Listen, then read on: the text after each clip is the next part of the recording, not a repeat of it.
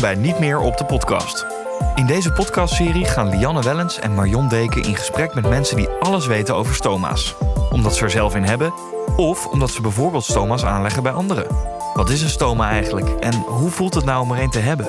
Tegen wat voor problemen kan je aanlopen en hoe reageert je omgeving eigenlijk op je als je een stoma hebt? Je hoort het in Niet meer op de podcast.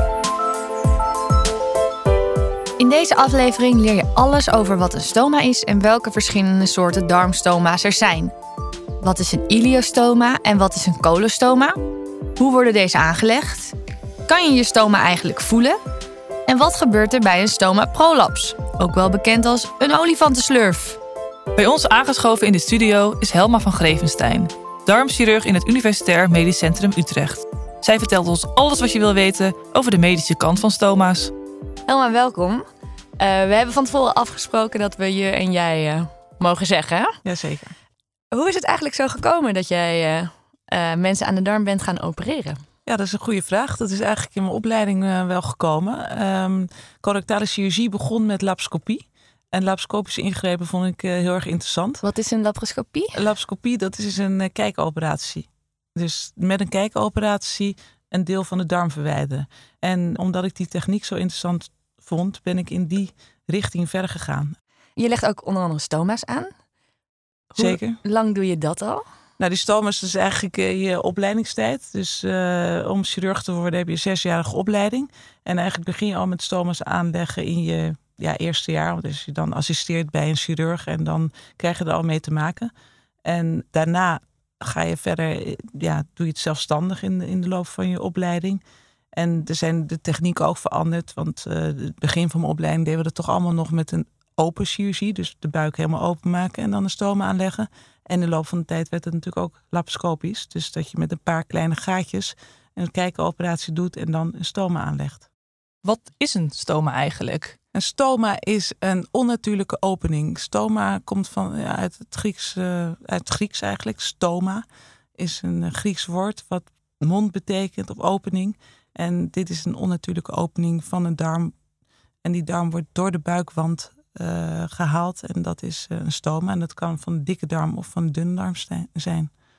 En wanneer krijgt iemand een stoma?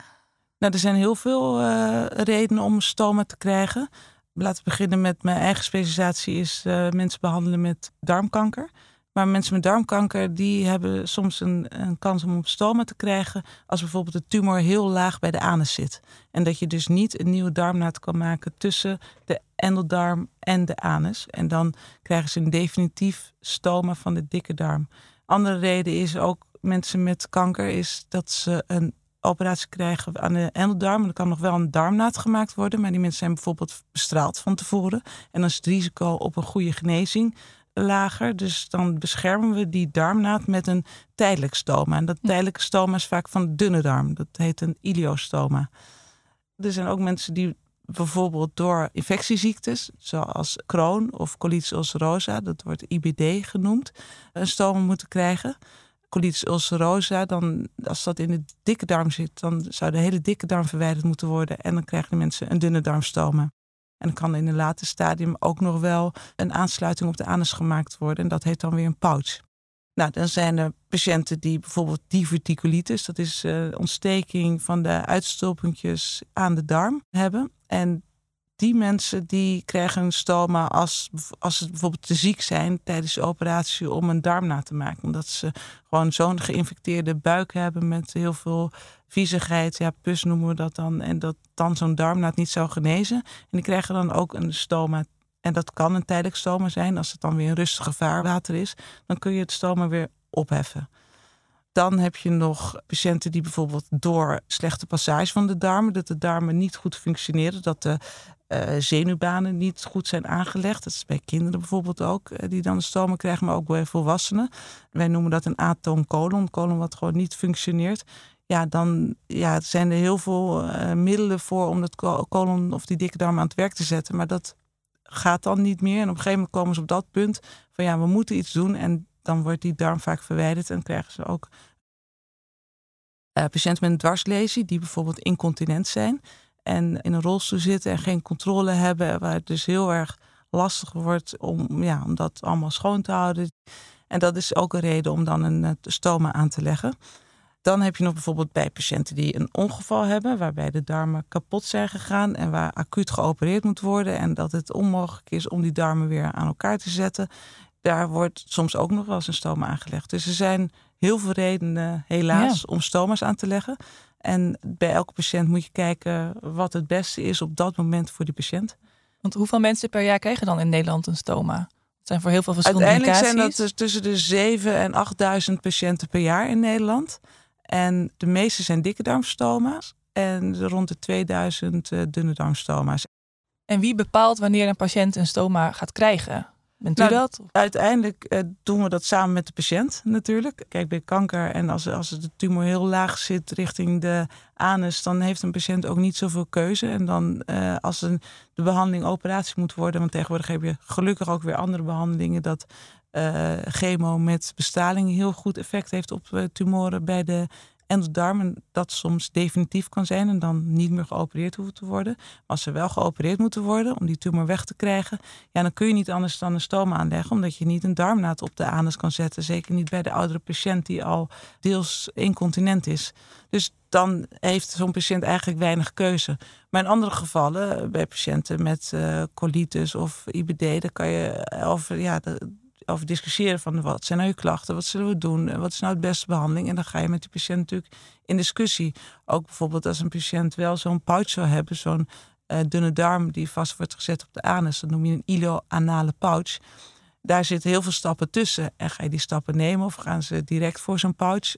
En dat is wel een overleg met de patiënt natuurlijk. Ehm, Is dat voor spoed- iedereen een alternatief om een pouch eh, in plaats van een stoma te, te kunnen krijgen? Alleen patiënten eh, voor, met Dus- colitis ulcerosa en, en niet met Crohn. Ja. Helaas, omdat we weten dat Crohn ook weer doorgaat richting anus en dan heel veel ellende kunnen krijgen met die pouch. Dus da- daar zijn discussies over en willen we graag met de patiënt eh, dat bespreken natuurlijk. De keuze of voor tijdelijke stoma's doe je ook samen met de patiënt. En dan zeg je ja, soms is het gewoon veilig om dat te doen. En dan kijk je naar de risicofactoren van de patiënt. Want dan wil je, je legt een tijdelijk stoma aan om een darmnaad te genezen, eh, te, beter te laten genezen.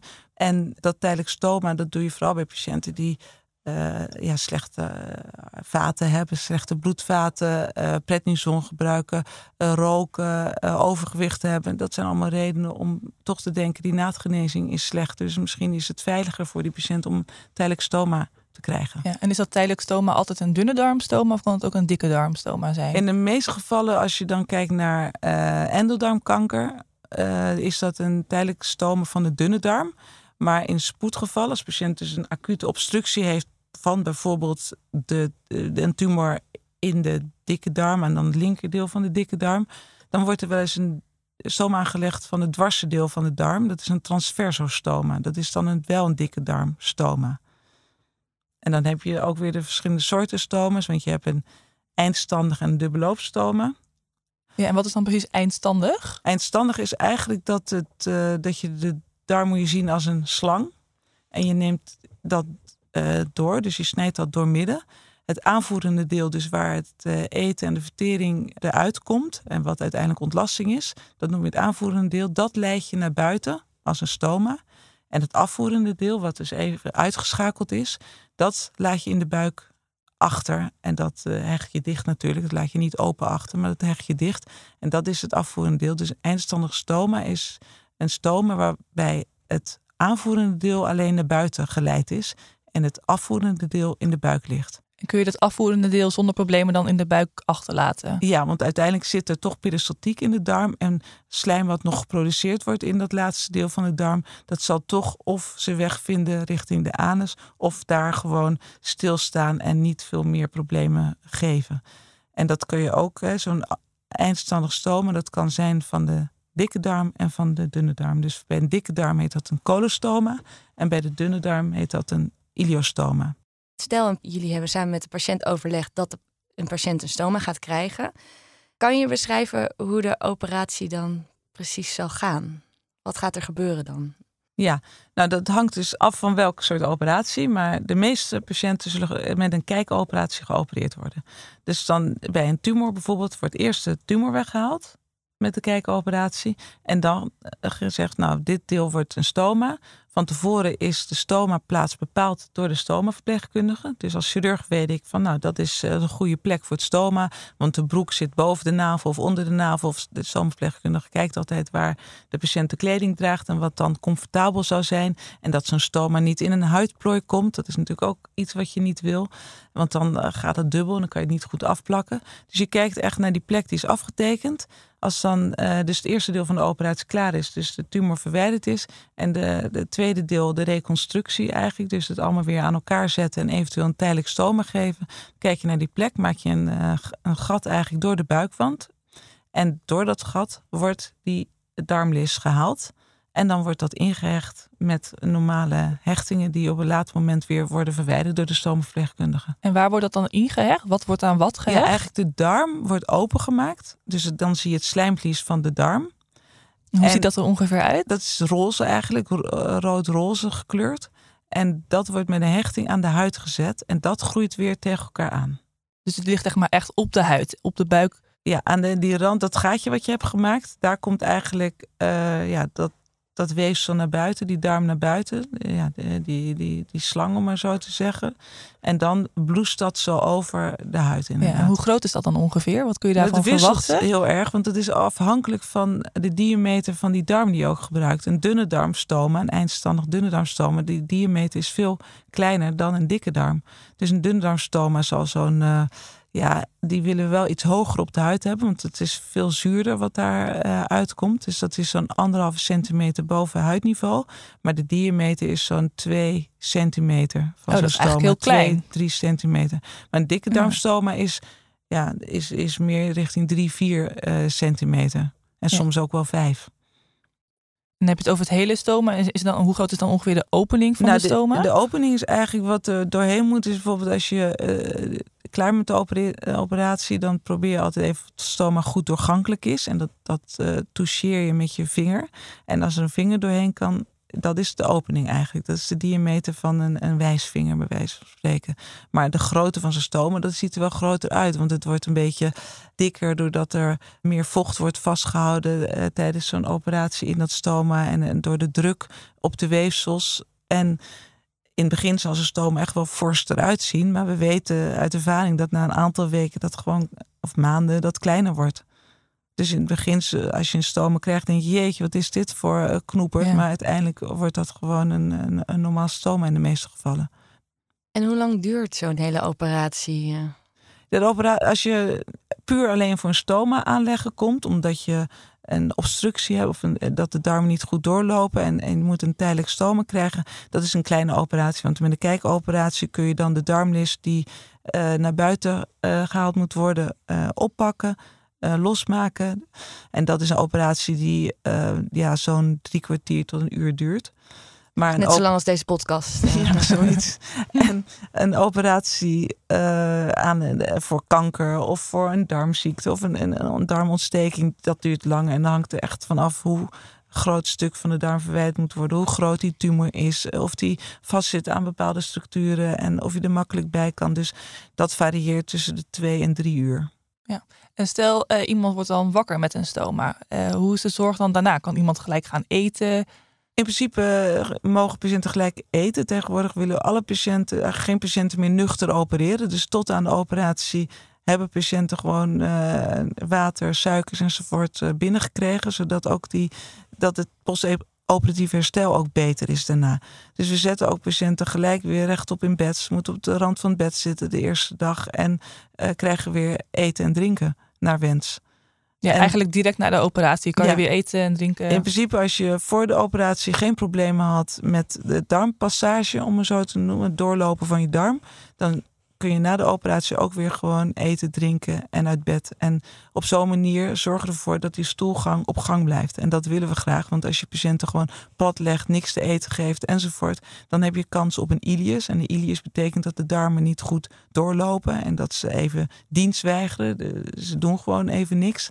En dat duurt dan weer lang voordat het op gang is. Ja, dus de patiënt moet uh, snel in beweging uh, komen. Ja, uiteindelijk uh, tot aan de operatie gezond en fit zijn en daarna ook gelijk weer.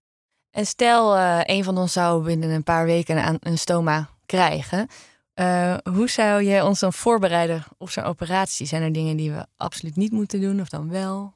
Nou, wat ik net al zei, is natuurlijk uh, goede conditie en fit zijn voor de operatie vind ik heel belangrijk. Maar ik denk dat ook als je een stoma krijgt en, en sowieso met elke operatie die je moet ondergaan, dat je je goed laat voorlichten. Ik denk dat dat heel belangrijk is. En gelukkig, nou, in mijn ziekenhuis ben ik gezegend met een fantastische stomaverpleegkundige. En die kan die patiënt volledig voorbereiden en alles laten zien uh, welk stoommateriaal er is, uh, wat het betekent, ervaringen delen van andere patiënten. ik denk goede voorlichting belangrijk en in goede conditie zijn, dat dat de belangrijkste items zijn. Ja, en kan de vorm van een stoma over de tijd wat veranderen? Want in het begin zeg je is hij wat, misschien wat gezwollen. En na een tijd gaat het wel wat anders. Maar is dat dan daarna definitief? Of hoe ziet een stoma dan over de jaren eruit? Ja, uiteindelijk is het denk ik zo na een half jaar tot een jaar je definitieve stoma. En dan kunnen altijd dingen gebeuren met zijn stoma. Want het slijmvlies, dat is best wel gevoelig. Dat, is, uh, ja, dat bloedt ook snel. Dus soms mensen krijgen daar ook wel soms last van. Dat het heel erg uh, snel kan bloeden, het slijmvlies. De pijn zit daar niet in. De pijn zit meer op het huidniveau. Waardoor de ontlasting die daar de huid kan prikkelen. Maar kan een stoma pijn doen? Nee, op zich stoma zelf niet. Maar als het stoma bijvoorbeeld te nauw is of uh, de huid wordt geprikkeld door uh, de ontlasting, dan doet dat pijn. Dan kun je ja, gevoel hebben in je stoma? In de, nee, in de stoma zelf niet. Nee, in dat slijmvlies zitten geen uh, zenuwen die dat veroorzaken. Of gevoel geven, laat ik zo zeggen. Gaat er ook wel eens wat fout tijdens een operatie bij het aanleggen van een stoma? Ja, zeker. Want daar wilde ik ook net op terugkomen van waarom, hè, hoe ziet een stoma nou eruit? Dat kan heel erg wisselen. Want het is ook, naast dat de chirurg natuurlijk een stoma heel goed moet aanleggen en daar echt de tijd voor moet nemen. En dat wil ik ook zeggen, de tijd voor moet nemen. Want het is altijd het laatste deel van de operatie. Uh, in de meeste gevallen. En uh, zeker als een operatie lang geduurd heeft, is dit ook nog de belangrijkste stap. Want dit is uh, bij een aantal patiënten gewoon voor de rest van het leven, als het een, een definitief stoma is. Dus het is heel belangrijk om dat stoma goed aan te leggen en daar aandacht aan te schenken. En ook te kijken naar de buikwand van de patiënt. En uh, door als een buikwand dikker is, uh, dan moet je ook echt een langere lis naar buiten brengen, zodat het toch een goed stoma kan zijn en wat niet helemaal inzakt in die buikwand. Want dan heb je echt een heel vervelend stoma. En zo kunnen er allemaal uh, complicaties optreden, zodat de lekkage van um, ontlasting is, dat het stoma plak die er overheen wordt geplakt niet goed hecht op die manier en een lekkage kan geven. Dus dat is wel belangrijk. Ja, er zijn natuurlijk wel andere complicaties zoals uh, wondgenezing uh, die vertraagd is, uh, waardoor het stoma ook niet goed inhecht. Of dat het een hele floppy, ja, hele losse darmlis is. Dan is tijdens de operatie nog geen probleem. Maar dan kan er een complicatie daarna optreden dat je een soort hele lange slurf krijgt. Dat is eigenlijk een herniatie van een darm. Ja, dus de darm stulpt in de andere darm en gaat, komt als een lange slurf naar buiten. En wat voor andere complicaties kunnen nog optreden? Uh, nou, er is een stoma wat te diep ligt, dus onder de huid. Een stoma wat dus helemaal naar buiten gaat. Uh, bloeding bij het stoma. Uh, wondinfectie bij het stoma. Ja, ik denk dat dat wel de meeste complicaties zijn. En stoma wat niet goed, eh, dat is nog wel een belangrijke. Een stoma wat te strak is, dat is de buikwand. Hè. Dan moet je door het peesblad, je moet door de spier. En als je dat niet genoeg hebt opengemaakt, dan heb je een heel nauw gaatje. Ja. En dan kan het daar vast Geen ontlasting doorheen. En een andere complicatie uh, na de operatie, en dat kan soms ook maanden na de operatie optreden, is een parastomale hernia. Dat is eigenlijk een, uh, een littekenbreuk en dan bij het stoma. Dus dat betekent dat de, de andere darmlissen langs dat stoma zijn gegaan en waardoor ja, dat die holte die je eigenlijk in de buikwand hebt gemaakt tussen de, het vet en de spieren veel groter is geworden en dat daar allemaal darmen in en uit kunnen gaan. En als ze in en uit kunnen gaan, is dat niet erg, want dan gaat het niet vastzitten. Maar soms kunnen ze wel in, maar niet meer uit. En dan krijg je een probleem, want dan kan je daardoor weer een uh, vernauwing krijgen, een obstructie, waardoor de darmen niet goed kunnen doorlopen. Ja. En waar merken patiënten dat aan? Dat ze een parastomale hernia kunnen hebben? Pijn en een zwelling. Dus een zwelling rondom het stoma maar als het alleen een zwelling is die in en uit gaat, dan doen we er niet altijd wat aan. Want we weten ook dat als we het opereren, dat helaas het ook weer heel vaak terugkomt. Omdat patiënten dan vaak of ook te zwaar zijn en te zware buikwand hebben. Um, en de genezing uh, minder goed is. Als dat eigenlijk qua operatie niet nog meer verbeterd kan worden, zijn er dan nog andere opties om uh, zo'n hernia? Nou, sommige mensen hebben baat bij een, uh, een breukband.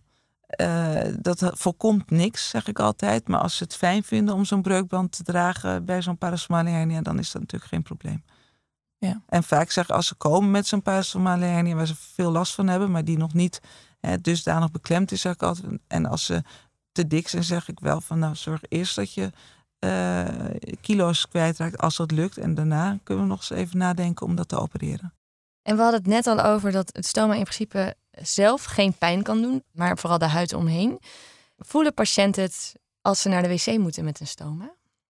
Nou, ze voelen dat als ze ontlasting krijgen. Ze voelen dat het zakje uh, vol gaat uh, zitten. Dus ze voelen dat het loopt, maar er zit geen continentie in. Het is niet dat je een signaal krijgt en dat je dan nu heel hard op je buikwand perst en dat het dan eruit komt. Je kan misschien wel een zetje geven, maar in principe loopt dat vanzelf. Geen aandrang. Gevoel. Nee, je hebt geen aan. Het enige wat je wel kan hebben op dat, hè, als je nog een deel van je endeldarm uh, behoudt en je anus, dat je daar wel aandrang kan hebben. De gewone aandrang die je hebt en dat dan slijmverlies is.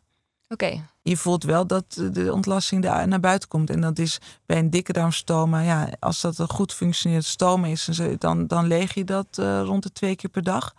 Bij een dunne darmstoma, dat is natuurlijk veel dunner, want dat is nog niet ingedikt in de dikke darm. Dus dat is vaker uh, dat je het zakje moet legen. Ja, want hoeveel uh, darm kun je eigenlijk missen? Nou, je kunt de hele dikke darm missen. Hoe lang is die ongeveer? De dikke darm is meer dan een meter. Dus dat uh, kun je missen. En um, de dunne darm helaas niet. Want de dunne darm zorgt voor opname van uh, bepaalde voedingsstoffen en uh, galzuren en zouten en vitamine.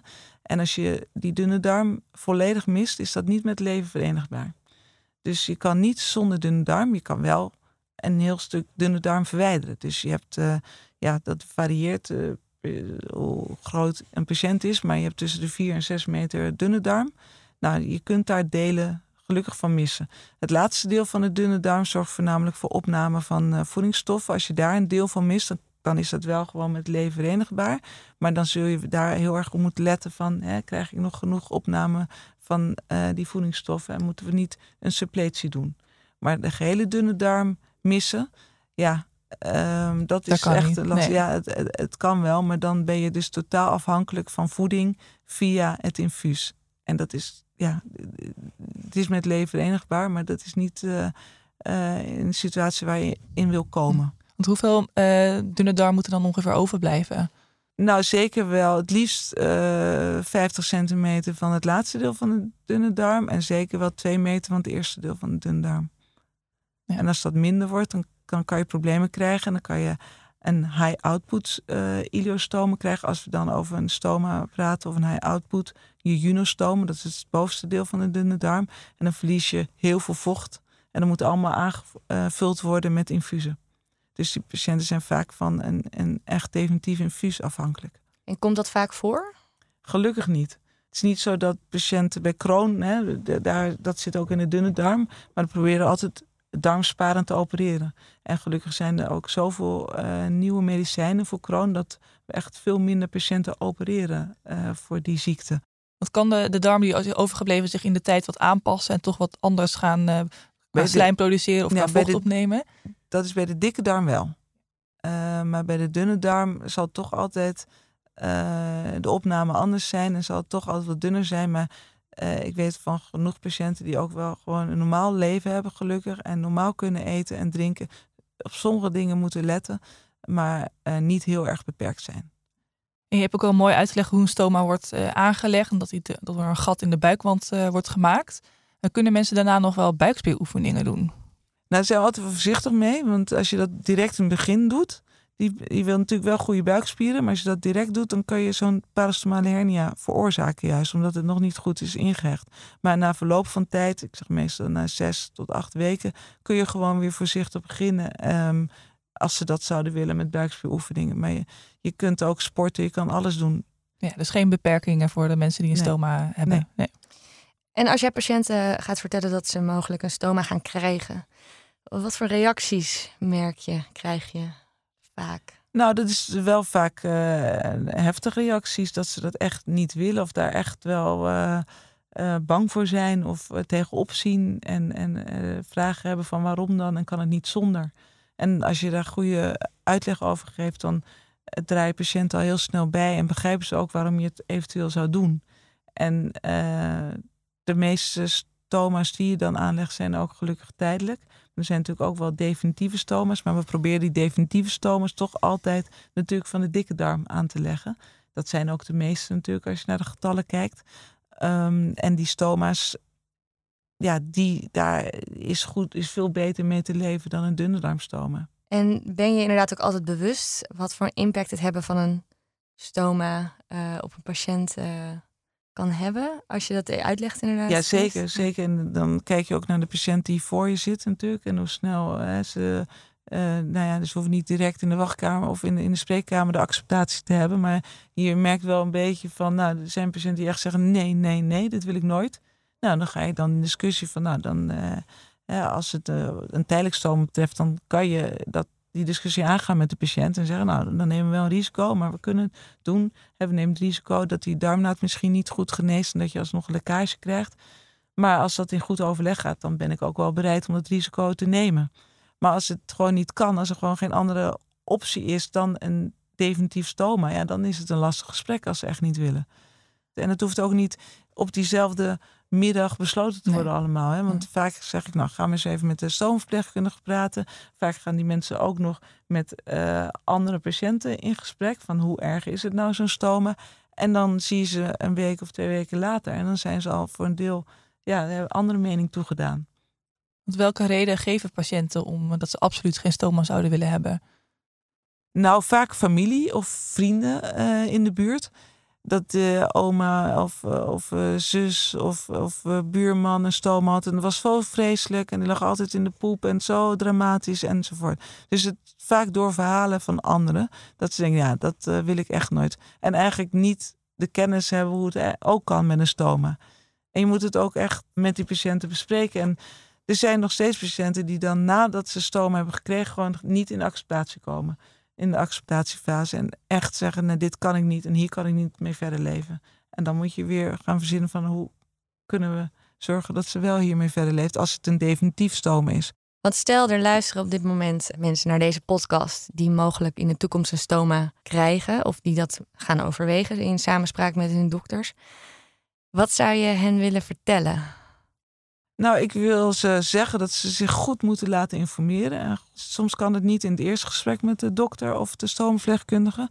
Maar uh, hun vragen opschrijven voor een tweede gesprek. En dan uh, vragen waarom krijg ik het stoma? Uh, is het echt noodzakelijk? En um, wat voor soort stoma krijg ik? En dat ze dat goed weten en bewust zijn wat het is, zo'n stoma. Dus zorgen dat ze goed voorgelicht worden. Ik denk dat ik dat wil meegeven.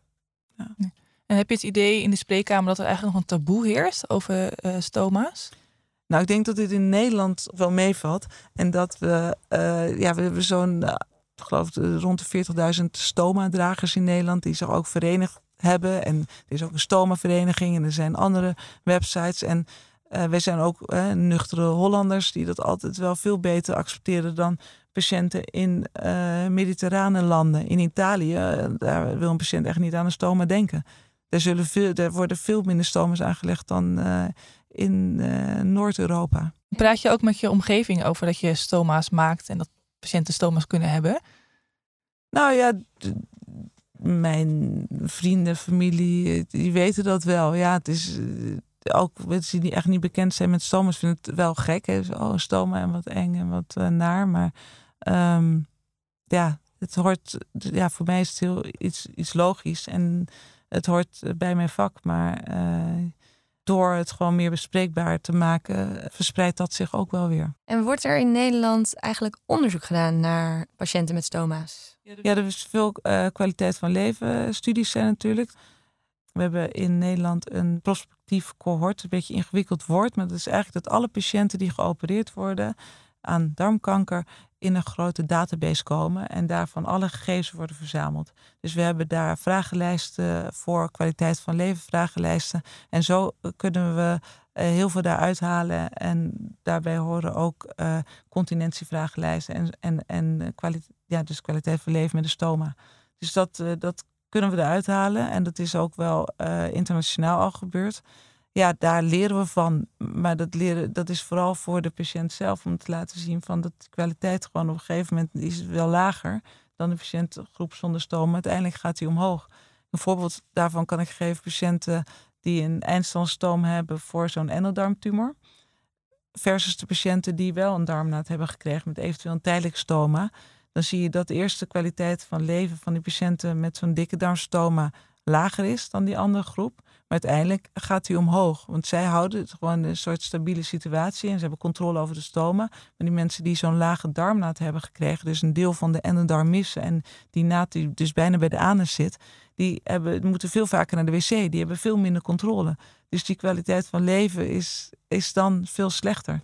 Dus dat kan je ook weer aan patiënten teruggeven. Ja, waar kies je voor in de wachtkamer? Ga je dan zo het gesprek ook aan met de patiënt? Verschil tussen de korte en de lange termijn. Ja. En vind je dat er de afgelopen 20, 30 jaar veel verbeterd is? Rondom stoma-operaties? Nou, ik denk de techniek niet heel veel. Uh, hoe dat stoma wordt aangelegd. Wel die lapscopie. Hè, dus dat je niet een hele buik hoeft over te snijden om een stoma aan te leggen. Kijkoperatie. Dus die kijkoperatie. Dat is een techniek die verbeterd is. Het aanleggen van het stoma zelf, daar is niet, ja, denken we niet heel veel in te verbeteren. Maar ik denk dat de grootste verbetering zit in het stoma-materiaal zelf. En de soorten plaks die ontwikkeld worden. En belangrijk is dat de patiënt geen lekkage heeft en niet de huid gaat irriteren. En, en daar lang mee kan doen. Dat niet continu zo'n stoma-plak uh, verwisseld moet worden. En daar zit wel heel veel, uh, daar is wel heel veel in verbeterd. En heb je zelf nog voorkeur voor een bepaalde operatie qua een dunne darm uh, aanleggen of een dikke darm aanleggen? Ja, wat is je lievelingsstoma? Mijn lievelingsstoma, nou, dat klinkt wel heel raar. Nee, dat is, daar heb ik geen voorkeur voor. Eigenlijk wat ik het, uh, ja, wat ik het fijnste vind om patiënten te opereren die niet te dik is. Dan kan ik het beter leren aan de assistenten weer. Dan kan ik het beter laten zien. Dat is niet heel veel vet wat je naar buiten hoeft te halen. Of een buikwand die, die ja, een buikwand van uh, 3 centimeter of een buikwand van 10 centimeter. Er zit een groot verschil tussen. Dus het liefst uh, niet te dikke patiënten met mooie darmen waar je mooie stomers kan ja. Wanneer is een darm mooi? Um, als hij goed doorbloed is en uh, niet te veel vetweefsel overheen uh, gaat, dan uh, is, ja, is hij zoals hij in een anatomieboek eruit ziet. Ja. Helemaal onwijs bedankt voor alle informatie over de medische kant van stoma's. Onwijs bedankt dat je hier vandaag bij ons wilde zijn.